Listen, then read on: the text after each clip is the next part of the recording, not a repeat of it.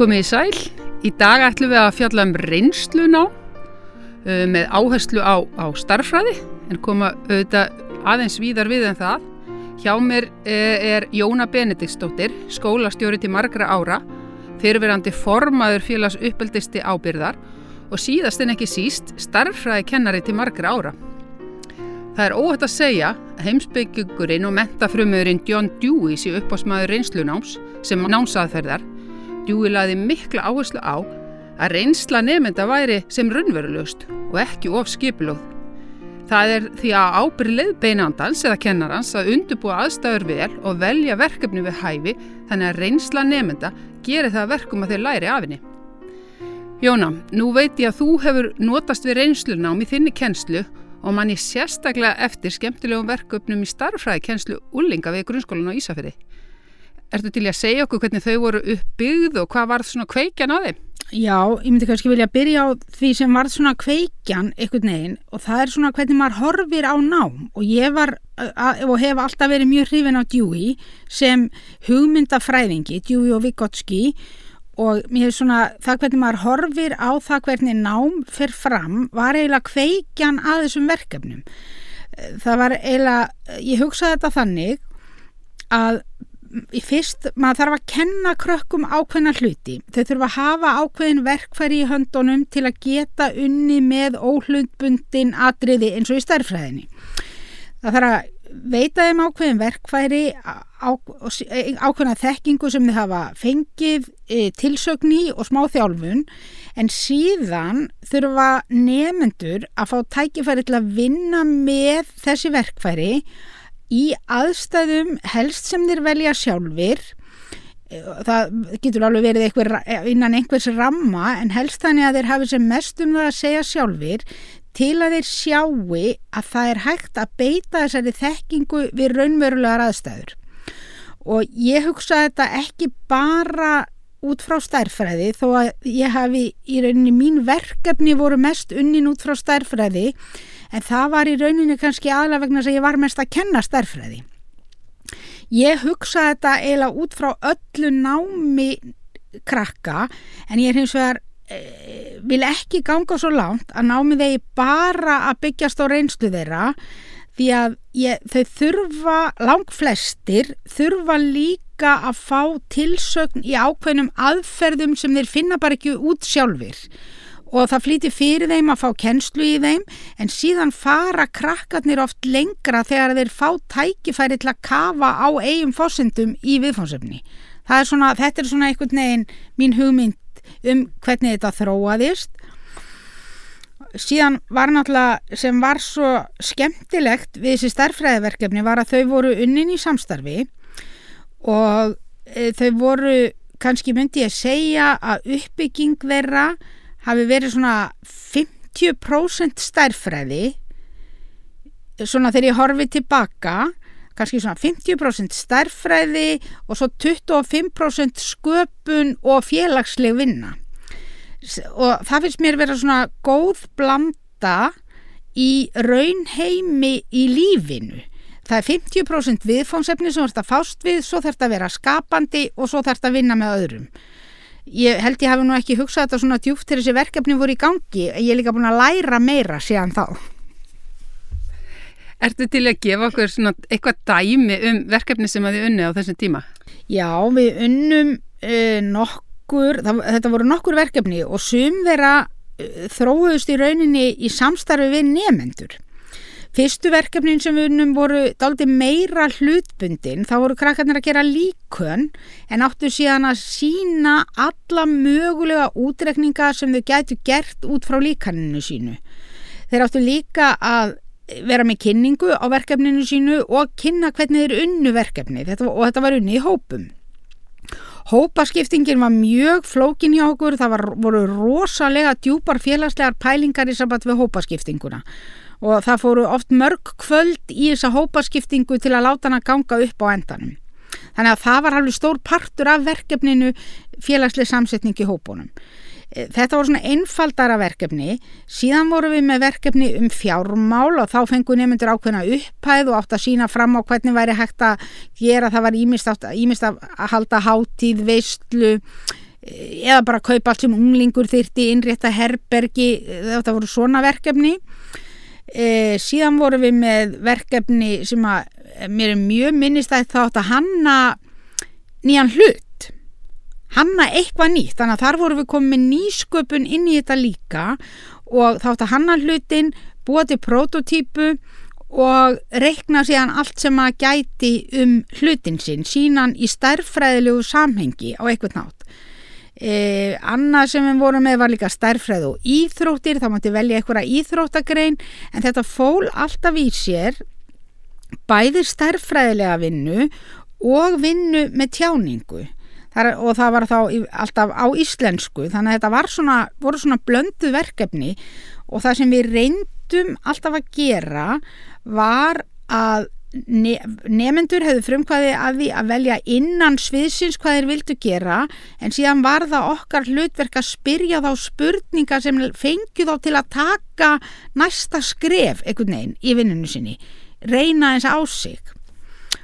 Almennt gekk þetta rosalega vel og lang flestir krakkar voru opbóslega gladir í þessum verkefnu fannst gaman að vinna þetta.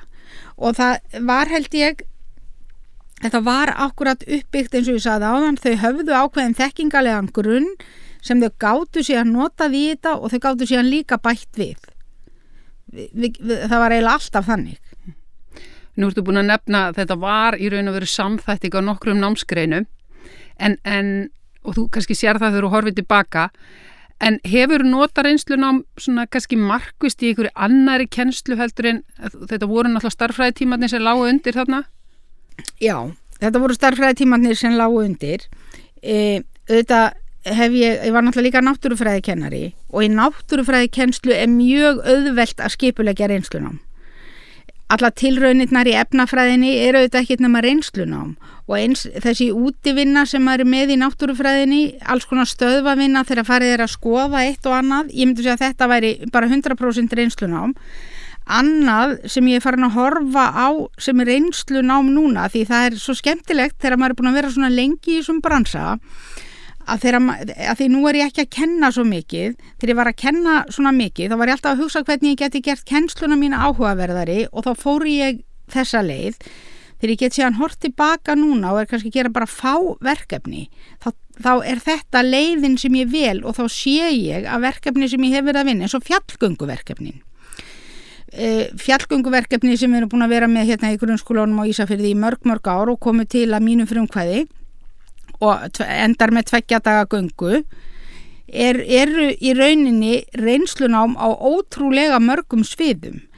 Það reynir á náttúrufræði þekkingu og það reynir á félagsfærni og hjálpsemi e, og þannig að það er í rauninni ótrúlega djúft reynslunám í þessum ferðum Eh, síðan langar mér kannski að nefna líka þegar við erum að vinna með uppeldi til ábyrðar mm -hmm. það myndi ég segja að væri líka reynslunum og algjörlega í anda djúi að reyna að hjálpa nefndanum að öðla sjálfsþekkingu eh, og síðan auðvitað nýjasta verkefnið sem að ég er með á prjónunum sem ég er að vinna núna og þar er er ég að vinna svona út frá svipari hugmyndafræði og í starfræðiverkefnunum.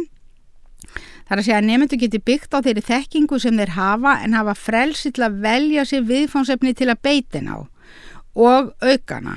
Og það er verkefni sem við erum með í grunnskólanum á Suðureyri sem er unnið á föstudugum. Þá erum við með nefndum frá fjórðabekk og uppúr í fjóra samfelda tíma að vinna í sínu, sínum áhuga málum en við setjum ákveðin skilir við. Það þarf að koma fram eitthvað sem tengist erlendu tungumáli í verkefninu. Það þarf að koma fram eitthvað sem tengist íslensku og það þarf að koma fram eitthvað sem tengist starfræði. En krakkarnir hafa síðan algjörlega frjálsar hendur um hvernig þeir tengja þetta en við göngum auðvitað á milli og erum að spyrja spurninga til að íta þeim aðeins lengra. Mm -hmm.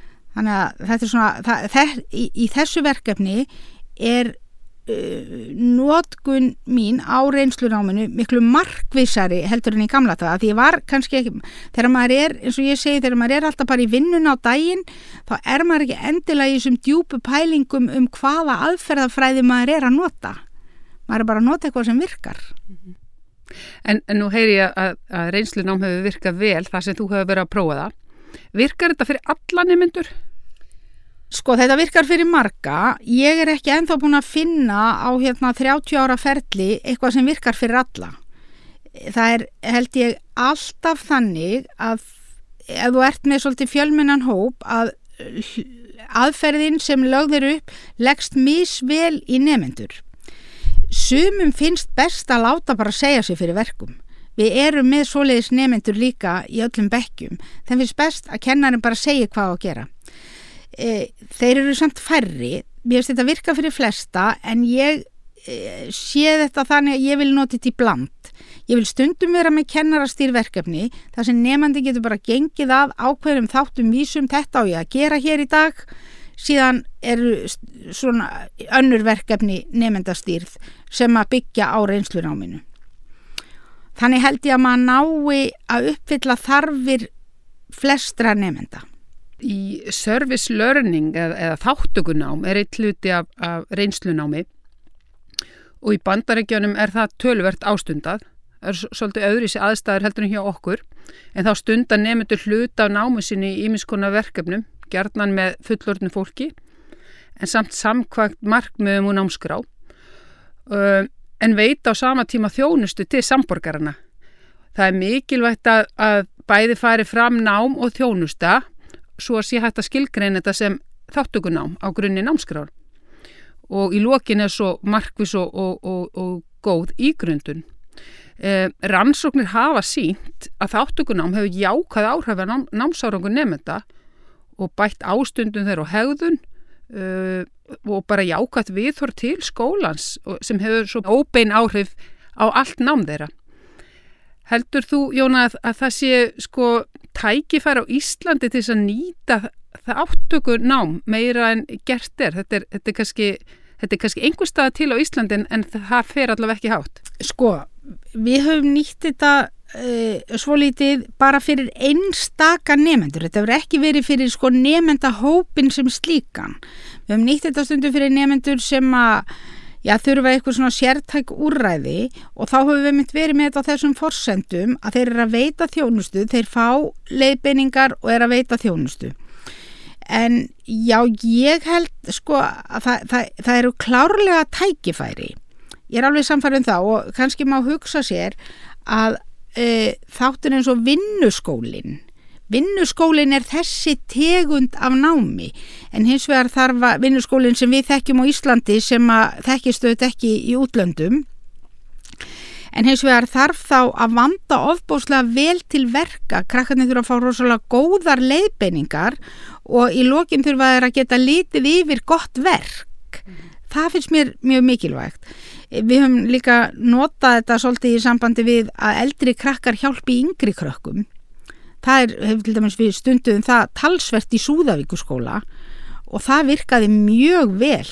Það er samreikin leikskóli og grunnskóli og stundum fóru eldstu krakkarnir og unn á leikskólanum. Það virkaði mjög vel. Þannig ég held að það er alveg tækifæri í þessu en við erum svolítið först í kassa í skólakerfinu á Íslandi. En hluti af þessu þáttugunámiða service learning, að það er mikil áhersla lögð á þessa ígrundun svo í lókin hvaða er sem nefnandin lærði heldur að e, eru nefnandur á Íslanda ígrunda námsefni sitt næjala mikið? Ég held að við séum alls ekki að gera það og ég held að við séum alltaf svo hrættum eða ekki alltaf, en við erum oft rosalega hrættum ef það kemur ekki einhver áþrefanleg afurð út úr því sem krakkarnir gera að þá séu ekki að læra neitt en það held ég að sé byggt á miskilningi hjá okkur því að það, við, við erum bara samt ennþá ofur raug til að gefa tíma til að hugsa held ég Já, ég er algjörlega samála því En nú erum við í rosalega uh, skemmtilegu umhverfi hérna með bæði uh, hafið og fjöllin í kringum okkur og, og, og tengslinn við fólk í næri umhverfunu mikil. Erum við að, að nýta okkar nánasta umhverfi nægilega mikið til náms? Eh, Ég held að við séum alls ekki að gera það. Skólinn er, þó, þó að það hafi margir glukkar opnast á síðust árum og hann sé ekki eins lokuð stopnun og hann var, þá er hann alltof lokaður af sem sérstök eining í samfélaginu. Alveg eins og, alveg eins og líka bara leikskólinn og hérna, heimili fyrir eldri borgara og allt stíkt. Þetta er alltaf lokaðar einingar. Eh, Ég held að við getum opnað þetta miklu, miklu betur og nýtt tækifærin í kringum okkur miklu betur. Krakkar geta skipst á að gera alls konar hluti. Við, það hafa verið frábær verkefni unnin í samband við snjómokstur til dæmis hérna, sem hafa verið bara, hafa samt verið fjáröfluna verkefni sem sýnum hann að það eru tækifærið hana. Þessi háttur sem er á service learning í, í bandaríkjunum, ef maður reynir að yfirfæra hann til Íslands, þá er þetta svolítið gæti maður svolítið tengt þetta íþróttafélugunum og þeirri sjálfbóða vinnu sem þar er en samt ekki en að þetta er eitthvað að því að það kemur fram að það er sóknartækifæri þarna Algjörlega og ef að grunnþættinir í hérna námskran okkar ef að þeir fá að verða e, aðal þættinir, aðal intakið í skólagöngu barna að þá eru e, náttúrulega ótal tækifæri í umhverfinu til að hjálpa þeim að virka þá betur. mm -hmm. Við komum aðeins inn á uppbyggingarstefnuna, nú varst þú formaður í því félagi lengi og þegar ég var svona undirbúað þennan þátt þá, þá sá ég svolítið fyrir mér, það er, það er akkurat svolítið mikið reynslunám í gangi eins og uppbyggingarstefnan er svona byggðu upp. Já. Já, og þar er líka, þar er nefnilega áhersla á þessa ígrundun sem er svo skemmtilegt. Það er eiginlega, ég þarf eiginlega að segja pínlítið um hvað þetta snýst. Þetta er, það er auðvitað þannig að, að megin stopni til eru kenningar um það hvernig við kennum börnum góða hegðun, það skiptast að megin stopni til í tvent. Það er að segja þess að ytri stýringu og innri stýringu. Það að þú bara viljir vera góður og þurfir aðstofið að rækta það það er svona þessi innri stýring. Að þú finnir hjá þig hvöð til að vera góður. Þú farið ekkert velun fyrir að vera góður. Það er bara það sem við gerum göngum út frá að þú vilji vera. E, hugmyndafræðin með, með uppbyldið til ábyrðar er svo að kenna krökkum að þekka tilfinningalegar þarfir sínar og færa þeim í afframt verkfæri til að geta uppfyllt þær á jákvæðan hátt án þess að trubla möguleika annara til þessin sama. Og í þessu felst að oft á tíðum fögnum við mistökum. Við fögnum við, við erum ekkert að, það, gera allir mistök. Það er svona spurning hvernig þú nýtir mistökin til að vinna með þau, hvað þú lærir á þeim, sem að er spurningin um hvernig þið tekst að þroskast og þess vegna þartu að fá tíma til að ígrunda mistökin þín og hvað hefði verið hægt að gera öðruvísi. Og, en okkur hættir oft til að vilja bara leysa málinn 1, 2 og 3 fyrir krakka eða þeir eru komað sér í eitthvað svona vandræði. Það, það, ég, ég, jú, það, það virkar alveg og er alveg fljótlegt oft sko en það virkar ekki til langt, lengri tíma. Til lengri tíma þá þurfum við þetta að kenna fólki að bera ábyrð á eigin hegðun og þur, fólk þarf að hafa einhver verkfæri til að geta gert það. Og það að þú hafir fullorðin með þér sem er að hjálpa þér með því að spyrja því spurninga að ígrunda hegðun þína og hugsa sér hvað ef þú hefði gert svona, hvað hefði þá gerst og hefur geta gert eitthvað betra eða verra eftir aðstæðum? Ég, ég lít á það sem eh, svona reynslu nám, þú ert að hugsa um þegar ég gerði þetta hérna og þá fóru hlutirnir svona. Eh, hefði verið hægt að gera þetta öðruvísi þannig að mér, mér finnst það að vera dýrmættir einstaklega, það tekur tíma og það, og það þarf að gefa börnum tíma til að hugsa um þetta mm -hmm. Algjörlega samála en, en hverjar svona ef ég eh, varpa nú bara einni stóri spurning á því, svona að lokum hverjar telur þú staðstu áskoranir grunnskóla á næstu árum? Já Það, það er nú hérna svolítið erfitt fyrir eins og ég segi ástriðufullan stærfræði kennara að viðukenna það að helstu áskoranirnar í grunnskólanum felist bara alls ekki í að kenna öllum um Píþagóras. Ég held ég líti þannig á núna að helstu áskoranir sem skólinn stendur fram með fyrir og kerfið okkar, bara eins og það leggur sig, sé að skapa umhverfi sem hjálpar nefnendum og veitir þeim tækifæri til að þroska sig sem uh, sjálfstæðir einstaklingar sem að hafa vald á gaggríninu hugsun, geta spurt spurninga, geta allir þeim spurt sig. Það, ég er ekki að meina þeir eigi ekki að, að, að alltaf að gegna, ég er ekki að meina það. Heldur er ég að meina það að krakkar og ungt fólk þarf að spyrja sig hvort að það er skinsamlegt að gegna og er að sjálfsögða að gera það þegar það er skinsamlegt. Ég er ekki að tala fyrir einhverju, einhverju útópísku frelsi, heldur er ég að tala fyrir því að fólk þarf að fá tækifæri til að þroska eigin skinsum til að vega og meta sjálft eh, hvort að ákvarðinu sem það tekur í lífinu eru skinsamlegar eða ekki þegar til lengri tíma er litið.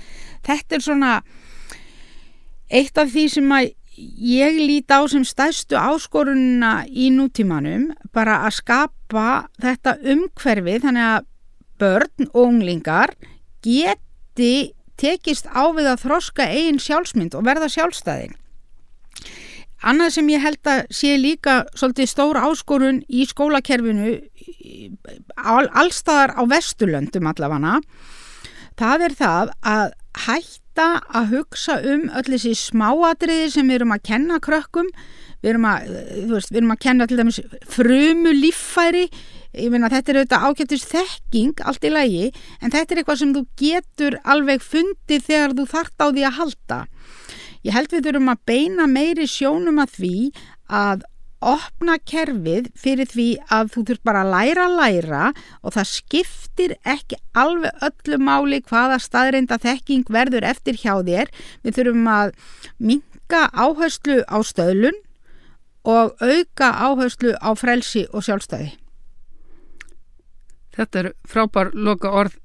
Jóna Benediktsdóttir, skólastjóri grunnskólans á Suðureyri, erum búin að sitja hérna og eiga stutt spjallum um reynslun á um, ég held að það sé bara vel við hæfi úr því við byrjum á djúi að enda þáttin á honum líka að það er sama í raun og veru hvernig sem við skilgrönum eða horfum á mentun, þroski nefnda stendur alltaf fyrir sínu en langmesta viðhorfið sem myndast getur í laungunni til þess að halda áfram að læra. Ég er algjörlega sammála því. Takk fyrir.